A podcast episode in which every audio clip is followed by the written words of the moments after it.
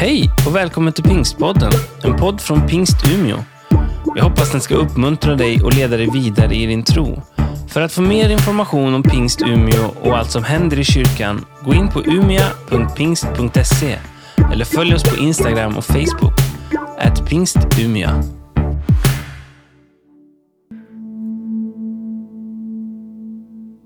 Så fint att få påminna sig om Guds trofasthet. His faithfulness. Tack så jättemycket. Jag skulle vilja tala med dig om människans möte med Gud. Knappast en, en, en föga förvånande för dig som brukar gå till kyrkan. Det är ju det vi talar om. Kan något vara viktigare än att möta Gud? Jag ska be om hjälp att få upp Det där mötet med Gud det kan ju se väldigt olika ut. Tänkte på det när jag var på Alfa i torsdags kväll. Mötte en grupp som har valt att sätta sig ner i en studiecirkel i akt och mening att bekanta sig och förnya relationen till den kristna tron. Och så ställde jag frågan lite grann. Hur, vad har ni varit med om? Vad, vad kommer ni att ta med er under kursen? För det här var den näst sista samlingen och rubriken var Hur kan man göra det bästa med resten av sitt liv? Och då fick jag några olika berättelser. Jag kan inte berätta det vidare nu. Jag förstår att du blir sugen. Men du kan ju fråga någon som har gått alfa. Vad tar du med dig? Det kan vara ungefär så här för någon som eh, som lite överraskad var med på en gudstjänst. Hör prästen säga, nu ska jag välsigna er. Och så säger prästen, precis som vi gör i vår kyrka, Herren välsigne dig och bevara dig.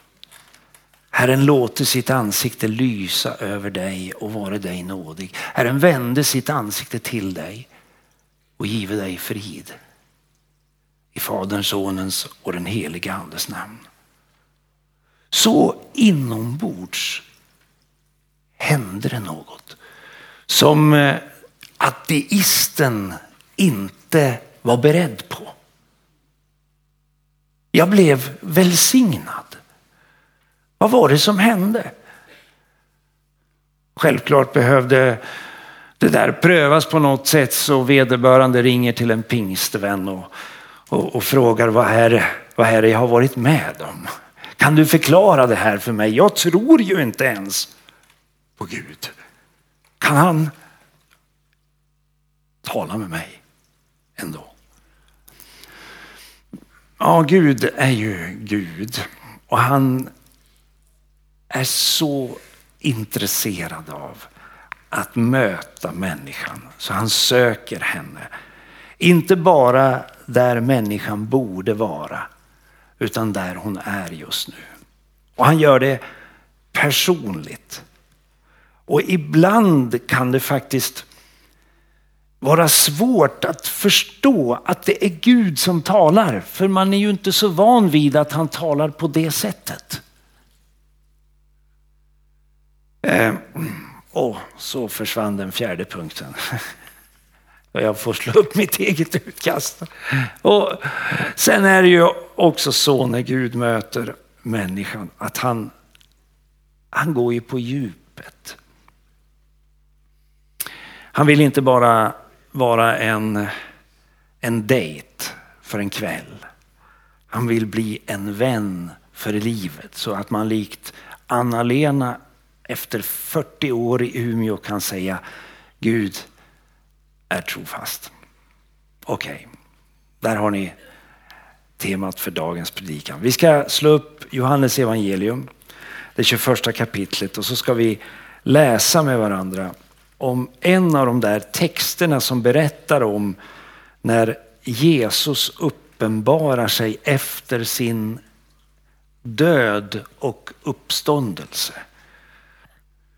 Och, och, jag tänker vi ska se att det faktiskt, eh, stämmer det här? Gud är personlig, han möter oss där vi är och ibland kan det vara svårt att förstå.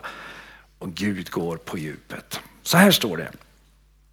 Och bakgrunden då, eh, den för dig som inte liksom riktigt är med på en gång. Eh, här kommer vi att möta en av lärjungarna, ja vi kommer möta flera lärjungar, men en av dem som kanske är mest omtalad och, och känd, Petrus. En av dem som var med från början. Eh, han bodde, Petrus är från, från eh, Betsaida, inte långt ifrån Kapernaum och heller inte så långt ifrån Nasaret i norra delen av Israel. Han är en av de första som upptäcker att Jesus inte bara är en snickare. Han var fiskare, Petrus. Jesus var snickare, men Jesus var inte bara en snickare, han var, han var Guds egen son. Och det där går sakta men säkert upp för Petrus när han börjar följa med Jesus på hans vandringar genom landet. Under tiden som Jesus predikar, han formulerar eh, det han tror och det Gud vill dela med mänskligheten och han gör en massa under, en massa bra grejer. Dessutom svarar han på den ena frågan efter det andra när han ifrågasatts. Och Petrus han sitter ju och ser det här och blir ju så fascinerad. Han får liksom en inblick i Jesu liv. Han är ju inte bara åhörare, liksom betraktare av Jesus, utan han dras ju in i den inre kretsen tillsammans med Jakob och Johannes. Och får ju också se när Jesus är trött, sliten, när han drar sig undan, när han vill vara lite för sig själv. Han får höra Jesu egna frågor. Han får till och med höra när Jesus frestas och hur han övervinner frestelserna. Så Petrus han går så långt i sin vilja att, att bekänna sig till Kristus att han säger att om alla andra kommer att svika dig så kommer inte jag göra det. Alltså jag vet att man kan gå på vatten om man tror på dig. Jag kommer inte svika dig. Jag har provat det här. Han sjönk visserligen men då lyfter du upp mig så jag vet vad jag tror. Va? Han var ganska liksom klar. Eh, men i berättelsen vet vi att det är lätt att ha en hög bekännelse. Det är lätt att ha järva mål. Det är lätt att förhäva sig och högmod, det vet ni, det går ju före fall. Så innan tuppen hade galt tre gånger den där kvällen när Jesus är utsatt för den här märkliga rättegången där han till slut döms till döden så har Petrus inte bara förnekat sin relation till Jesus. Han har till och med förbannat. Alltså han har inte bara Eh, sagt att jag har inte med honom att göra utan han har, han har svurit och förbannat. Jag är inte en Jesu Kristi efterföljare. Så dör Jesus på korset, det här bevittnar Petrus. Så inte nog med att det brast för honom, han sprack. Det verkar ju också som att det har brustit för Jesus. Du skulle ju frälsa världen ju. Vi skulle ju vinna världen. Vi hade det ju. Det var ju så många som följde och nu. Det är bara det att Jesus går ju inte in i döden för att stanna där. Han går ju in i, i, i det där rummet som tidigare bara hade en dörr, en ingång. Och, och då går Jesus in i det där rummet för att, för, för att eh, ordna en, en utgång. Så han gör ju en dörr till, så döden blir ju efter Jesu intåg i dödsriket en passage. Tidigare var det en slutförvaring. Evigt mörker liksom, utsläckande. Men nu öppnar Jesus dörren ut på andra sidan för att var och en som tror på honom inte ska gå under utan ha evigt liv. Och, och för att visa att det där är sant så, så, så stiger han ju också fysiskt ut ur graven. Och det där är ju, jag menar den är ju så, jag skulle gärna velat vara där liksom vid, eh, vid, vid gravplatsen när det börjar rista och stenen rullas undan och Jesus träder fram. Och då väljer Jesus inte att springa in i, jag menar in på tempelplatsen i Jerusalem och, och, och liksom ropa efter översteprästerna och alla de som ville att han skulle korsfästas, kanske efter Pilatus eller Herodos. Utan han väljer att gå till dem som hade ställt sig närmast honom i livet. Och då träffar han ju Thomas, som vi kallar för tvivlaren. Möter honom där han är, inte där han borde vara. Han slår följe med Emmaus-lärjungarna, Kleopas och, de och den andra lärjungen och frågar dem, vad är det ni går och pratar om? Och de är på väg bort ifrån Jerusalem till Emmaus, alltså de är på väg bort ifrån uppenbarelseplatsen. Han går till och med med dem bort ifrån gemenskapen en sträcka. Det kanske är så för dig. Du är på väg bort. Ja, men du, Jesus lämnar dig inte ändå. Han, han kommer gå med dig hela vägen hem. Och om du bjuder in honom då så kan det hända att han bryter brödet och ditt hjärta blir brinnande och du vänder tillbaka. Han möter Maria från Magdala, hon som var så skadad av alla onda krafter i tillvaron. Hennes självbild hade ju krackelerat, hon orkade ingenting men så mötte hon Jesus och fick en ny syn på sig själv och tänkte, även jag har ett värde. Fast jag har den här berättelsen bakom mig så, så behöver det inte definiera hur mitt liv ska se ut när jag tittar framåt. För Jesus har förvandlat mitt liv. Men nu hade ju Jesus dött så hon gick till graven och tänkte, jag får väl visa en sista hedersbetygelse. Hon kommer dit bara för att upptäcka att han lever. Människans möte med Gud. Petrus, han hade, när vi kommer in i berättelsen som vi ska läsa nu, han hade mött Jesus efter hans uppståndelse men han var ändå desillusionerad, alltså förvirrad. Känslomässigt hade han åkt berg och dalbana. Intellektuellt fick han inte ihop det. Teologiskt, alltså när han skulle reflektera över det han hade bevittnat så fick han inte ihop det. Så han gjorde det vi människor brukar göra när vi är lite osäkra. Eh, vi, söker oss till ett safe room. Liksom. Eh, vi har våra panikrum vi rör oss till. Vi skyddar oss liksom. Det ser lite olika ut. En del av oss blir tysta, andra vi söker våra samtalspartners och så försöker vi prata igenom och förstå. Petrus han sökte sig tillbaka till sitt fiske. Så han går ifrån Jerusalem genom hela Samarien upp till Galileiska sjön och han går runt sjön och kommer till norra delen av Galileiska sjön. Han är förmodligen vid Betsaida, sin egen hemby nere vid vattnet. Där Jesus en gång hade kommit och kallat honom och frågat, ska inte du gå med mig? Där uppenbarar sig Jesus igen. Vi läser. Sedan visade sig Jesus igen. Tycker om det där. En gång till för lärjungarna vid Tiberias sjön. Den har många namn den där sjön, Galileiska sjön. Det gick till så.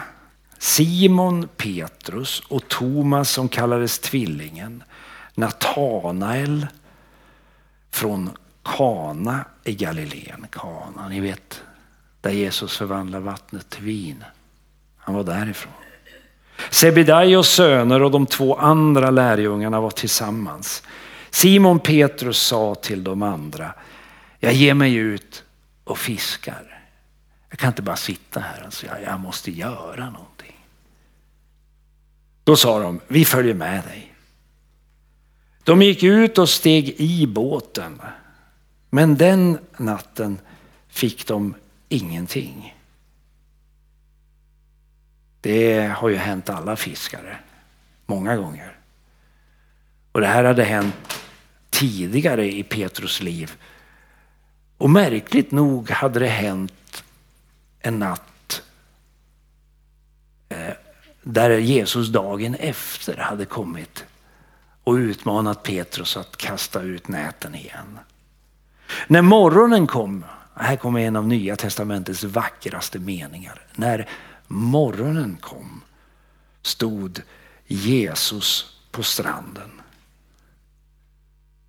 Men lärjungarna förstod inte att det var han. Och Jesus frågade mina barn, har ni ingen fisk? De svarade nej.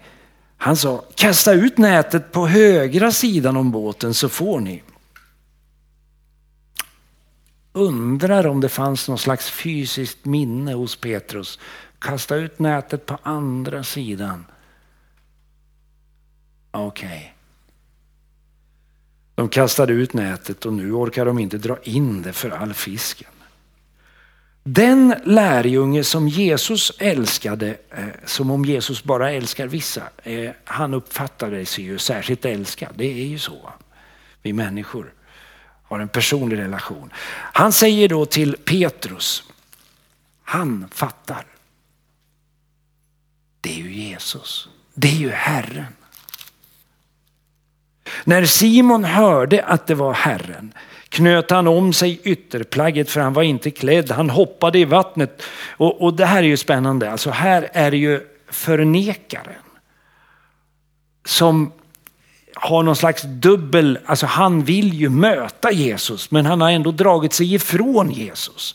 Är ni med? Den här dubbel, dubbelheten som vi ofta har. Vi, vi, vi förstår att, att vi behöver det där gudsmötet. Samtidigt så, mm. han har ju åkt hela vägen upp, eller åkt, gått hela vägen upp till sin hemby för att slippa. Men nu står ju Jesus där, då vill han dit. Han, kastar, han hoppar i vattnet. De andra lärjungarna kom efter i båten med fångsten på släp. De hade inte långt från land, bara ett hundratal meter. Ja, han måste ju ha simmat då alltså sprungit på botten. De steg i land och fick se en glödhög och fisk som låg på den. Okej. Okay. Jesus hade alltså varit där hela natten. I deras närhet. Vi tänker ibland att vi måste gå till en särskild plats. Vi måste göra vissa saker för att komma Gud nära. Men han är ju redan där i mörkret så var det någon som eldade och som lagade mat. Fisk och bröd. Jesus sa till dem, hämta några av fiskarna som ni just fick. Si, och det där är ju pedagogiskt. Alltså jag tänker det att Jesus fixar inte hela maten själv utan han frågar, kan du, vill, har du också någonting? Jo, jag har. Och så blir det en gemenskapsmåltid, ett knytkalas. Alla har något att bidra med. Det är den kristna gudstjänsten. Det kristna livet, vi är tillsammans. Simon Petrus gick upp på stranden och drog i land nätet. Han var ju, fick en väldig kraft där, för det var som fullt och fyllt av fiskar. 153 stycken. De, märklig detalj i Nya Testamentet. Hur många fiskar fick de när de fiskade? Mm. 153. Frågesport. Och fast det var så många gick nätet inte sönder. Jesus sa till lärjungarna, kom och ät. Ingen av dem vågade fråga honom vem han var. De förstod att det var Herren. Från början fattade de inte, men nu förstod de. Jesus gick fram till dem och tog brödet och gav åt dem, likaså fisken. Detta var tredje gången som Jesus visade sig för sina lärjungar efter att han hade uppstått från de döda. Ja, men visst är det intressant att Gud blir så personlig. Eh, Gud eh, har ju talat med oss på många olika sätt genom hela historien. Genom skapelsen talar han till oss och, och, idag påminde min fru mig om det när vi åkte in hit. Bara för att jag lite bryskt bryst tog ner henne på jorden och sa det är säkert någon som har planterat de där vitsipporna. Där. Ursäkta Louise var du är någonstans nu. Där. Men det var ju ett tecken va? som talar om, om livet som återvänder. Skapelsen vittnar om något. Nu vittnar det om att livet återvänder också till Skandinavien och till norra delen av Europa. Det är ju fantastiskt. Jag är så glad. Men det vittnar ju inte bara om våren, det vittnar ju om skaparen. Skapelsen vittnar om skaparen. Bibeln säger att ty allt sedan världens skapelse har Guds osynliga egenskaper, hans eviga makt och gudomlighet varit synliga i hans verk. Romarbrevet, det första kapitlet. Gud har talat genom historien. Han har talat till oss genom Kristus. Då, då fick Gud ett ansikte.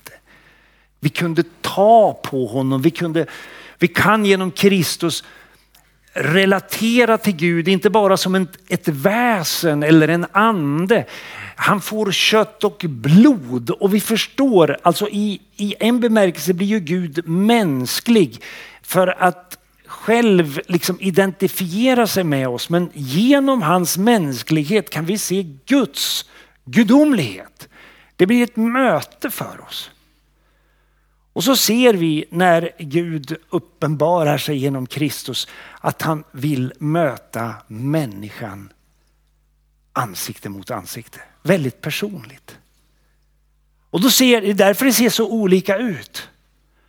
När Maria från Magdala möter Jesus då, då behöver Jesus bara säga hennes namn. För att hon ska förstå. Det räcker.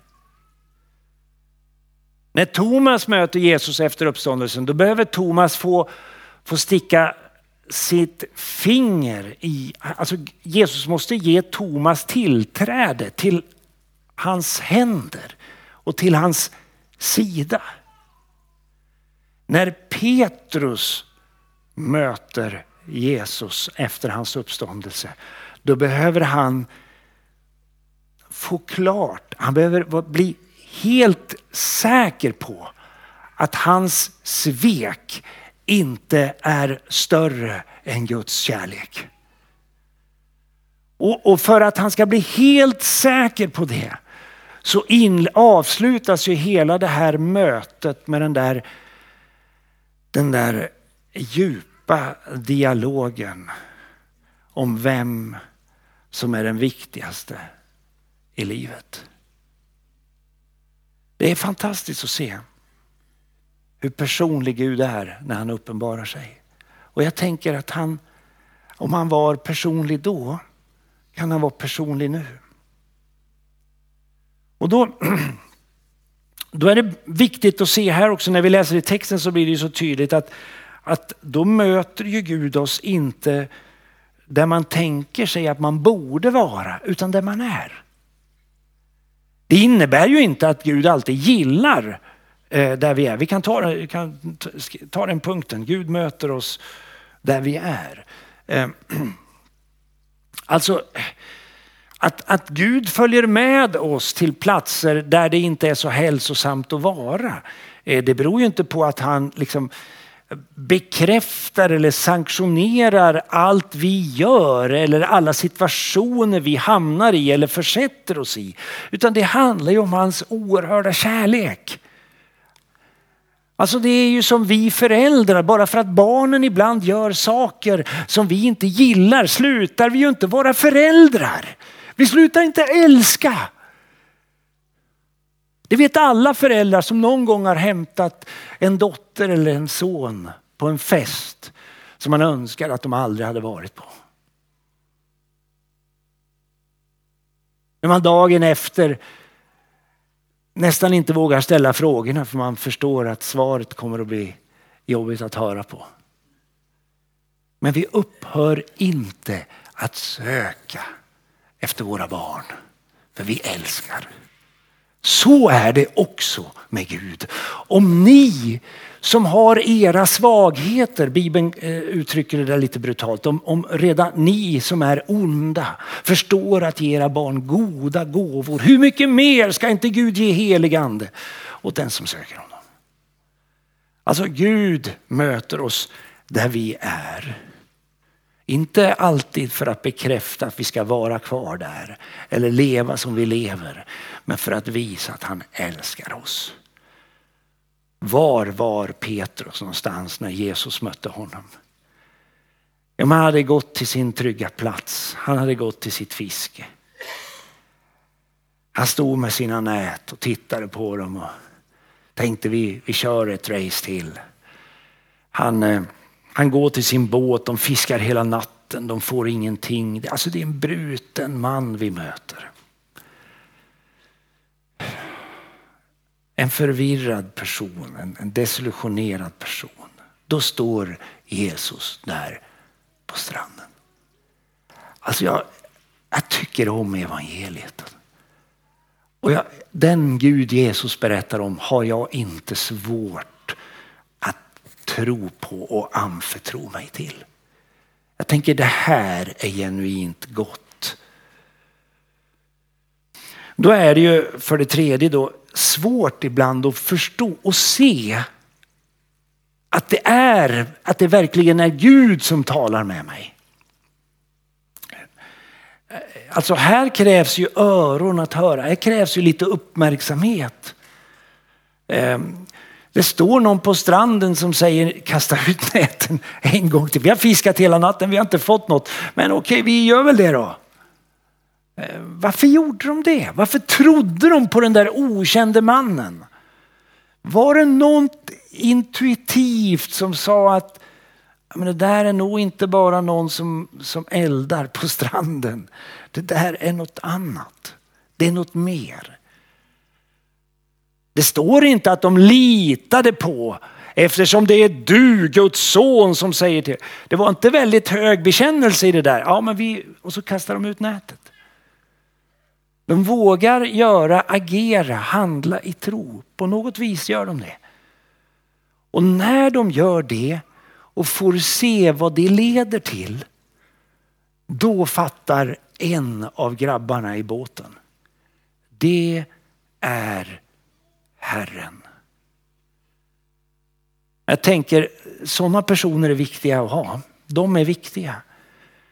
De som är seende, lyssnande. De som är lite vakna för Guds närvaro och som vågar berätta det för de andra. Men märker ni inte att, att Gud har ju sagt någonting här. Gud är ju redan här. När Petrus får reda på det då kastar han sig i vattnet. Han, han vill bara möta Jesus. Och, och jag, jag, jag, skulle gärna vilja fråga Petrus, vad tänkte du från det att du hörde Johannes säga det Herren till det att du hade talat ut med Jesus? Hur gick dina tankar då? Vi kan ju ana att han ville det där. Han ville möta Jesus. Han ville prata med honom. En gång till vill jag prata med honom. Så kommer han in, de får äta. Och då kan vi ta den fjärde punkten och bara för att avsluta med att upptäcka att när Jesus, när Gud möter människan så går det på djupet. Ehm. Alltså det är lätt att tänka att, att eh, ja, men det räcker med ett möte med Jesus och så är allting bra. Liksom. Men, men när Petrus möter Jesus så börjar ju, ja de äter först, det är, han är ju klok Jesus. Han, han, går liksom inte right on liksom. Du Petrus, nu vill jag snacka med dig. Vad var det du gjorde där? liksom, nu ska vi. Utan han liksom tryggar rummet. Det är, jag tänker som god själavård liksom. Nu har vi ett rum här där nu, vi, vi har den här tiden till förfogande. Jag, jag, jag, vi sitter bara, nu är det bara du och jag. Och så Gud förstås, han hör allt. Bara så du vet. Och så, och så tryggar vi rummet. Vi, vi äter, vi, behöver du någonting att äta? Känns det bra nu? Och så, och så när de har ätit färdigt. Då inleds dialogen som leder till Petrus upprättelse och hans beslut att om jag ska leva för något ska jag leva mitt liv för Jesus Kristus. Simon Petrus, älskar du mig mer än alla andra. Och man tycker, men Jesus, vilka krav du ställer. Men det var ju det han hade sagt. Om alla andra sviker så ska inte jag, jag älskar mer. Jag är starkare. Ja, jag tänker Jesus, du kunde inte tryckt på en ömmare tå. Hur ont gjorde inte den där frågan? Kunde du inte ha varit lindat in det lite grann? Och Petrus han liksom, nu är det en naken man som talar. Vad svarar han? Vi kan läsa tillsammans. Ja, Herre, du vet att jag har dig kär. Och när han har sagt det så öppnar Jesus dörren till det nya som väntar. För mina lamm på bete. Men Jesus vet att det var inte en gång som han hade svikit utan tre. Och lika många gånger ställer Jesus frågan. Simon Johannes son, älskar du mig? Simon svarade ja, Herre, jag vet. Du vet att jag har dig kär. Då frågar Jesus eh, och då kommer upp, upp, uppmaningen, var en herde för mina får. Lamm är ju fårens barn. Här är det för de som kan få barn, fåren. Och så frågar Jesus för tredje gången, Simon Johannes son, har du mig kär? Petrus blir, blev bedrövad när Jesus för tredje gången frågade, har du mig kär? Han svarade, Herre, du vet allt. Alltså i de orden finns en, en filterlös öppenhet. Det här är mitt liv. Du vet allt om mig.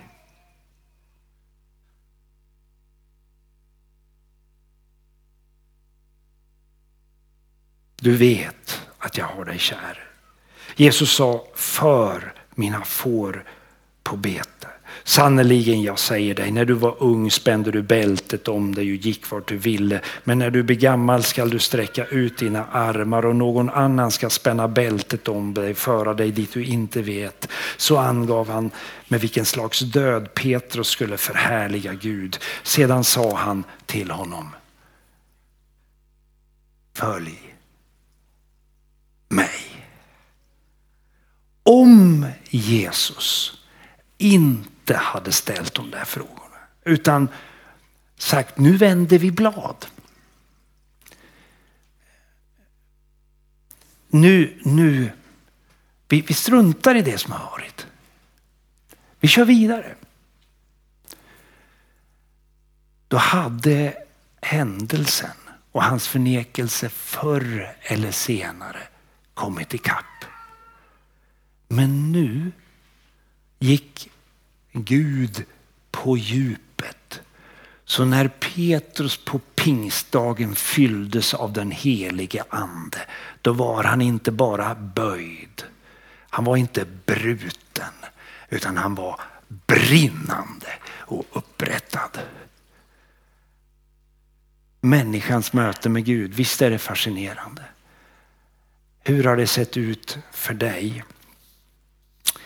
Jag tänker, för att avsluta med tre tankegångar. Gud han vill möta dig där du är. Ställ gärna frågan, vad hör du, vad ser du? Kanske Gud redan har talat. Och var inte rädd för Guds frågor till dig. Gud vill ju upprätta. Han vill ju bara det bästa. Nu ska vi be tillsammans. Jag vill välkomna lovsångsteamet fram. Vi, vi har en förbönsplats där nere under läktaren. Dit man kan gå om man vill ha personlig förbön. Om du vill ha en hand på din axel eller en, en hand i din hand och någon som säger jag vill be för dig. Jag vill be om Guds välsignelse över ditt liv. Vi har en böneplats här framme där man kan tända ett ljus och be en bön eller skriva sin personliga bönämne där framme vid korset. Man kan ju be var man än är i kyrkan eller om man är hemma online och med oss där. Gud vill möta dig där du är just nu. Ska vi resa oss upp och så beder vi tillsammans.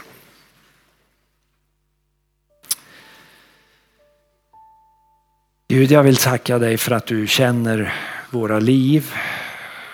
Du vet vad vi brottas med. Du vet vilka frågor vi har. Du vet i vilka situationer vi lever, vilka livsprocesser vi är i.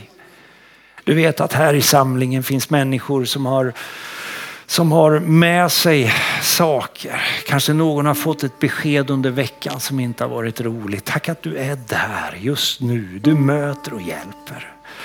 Du vet om någon som har brottats med tvivel, brottats med sin tillhörighetsfråga. Hör jag hemma i den kristna gemenskapen? Är jag tillräckligt troende för att vara med? Tack att du möter och stärker. Alltså ett brutet rör. Du, du krossar det inte, en tynande veke släcker du inte. Utan du blåser nytt liv i det som, som, är, som lyser svagt. Och du läker det brutna, helar den som är, är, är sargad. Du upprättar och möter. Kom nu med din ande, jag ber. Och när vi nu är, är, är i bön, jag, jag upplever bara att jag vill fråga jag tror att, att det är någon här, några kanske till och med, som har tänkt att om det blir en inbjudan idag där man får räcka upp sin hand som ett tecken på att man vill, vill sträcka sig emot Gud. Då, då ska jag göra det. Så jag tänker, vi, vi kan vara i bön, vi kan blunda i respekt för varandra. Eh, jag kommer att titta och Gud kommer att titta. Finns du här som vill sträcka dig mot Jesus Kristus. Du vet precis vad det är och, och vad du vill komma med och, och, och, söker ett möte med Gud. Då, ja, men lyft din hand som ett tecken på det så ska vi be tillsammans. Gud välsigne er. Gud välsigne er. Gud välsigne er. Gud välsigne er. Herre, du ser dessa uppräckta händer. Du vet vad som ligger bakom den längtan som finns. Kom med din ande jag ber. Kom med din ande jag ber. Kom med din ande. Gud har sett dig. Gud kommer att möta dig och hjälpa dig på resan vidare. I Jesu namn. Amen.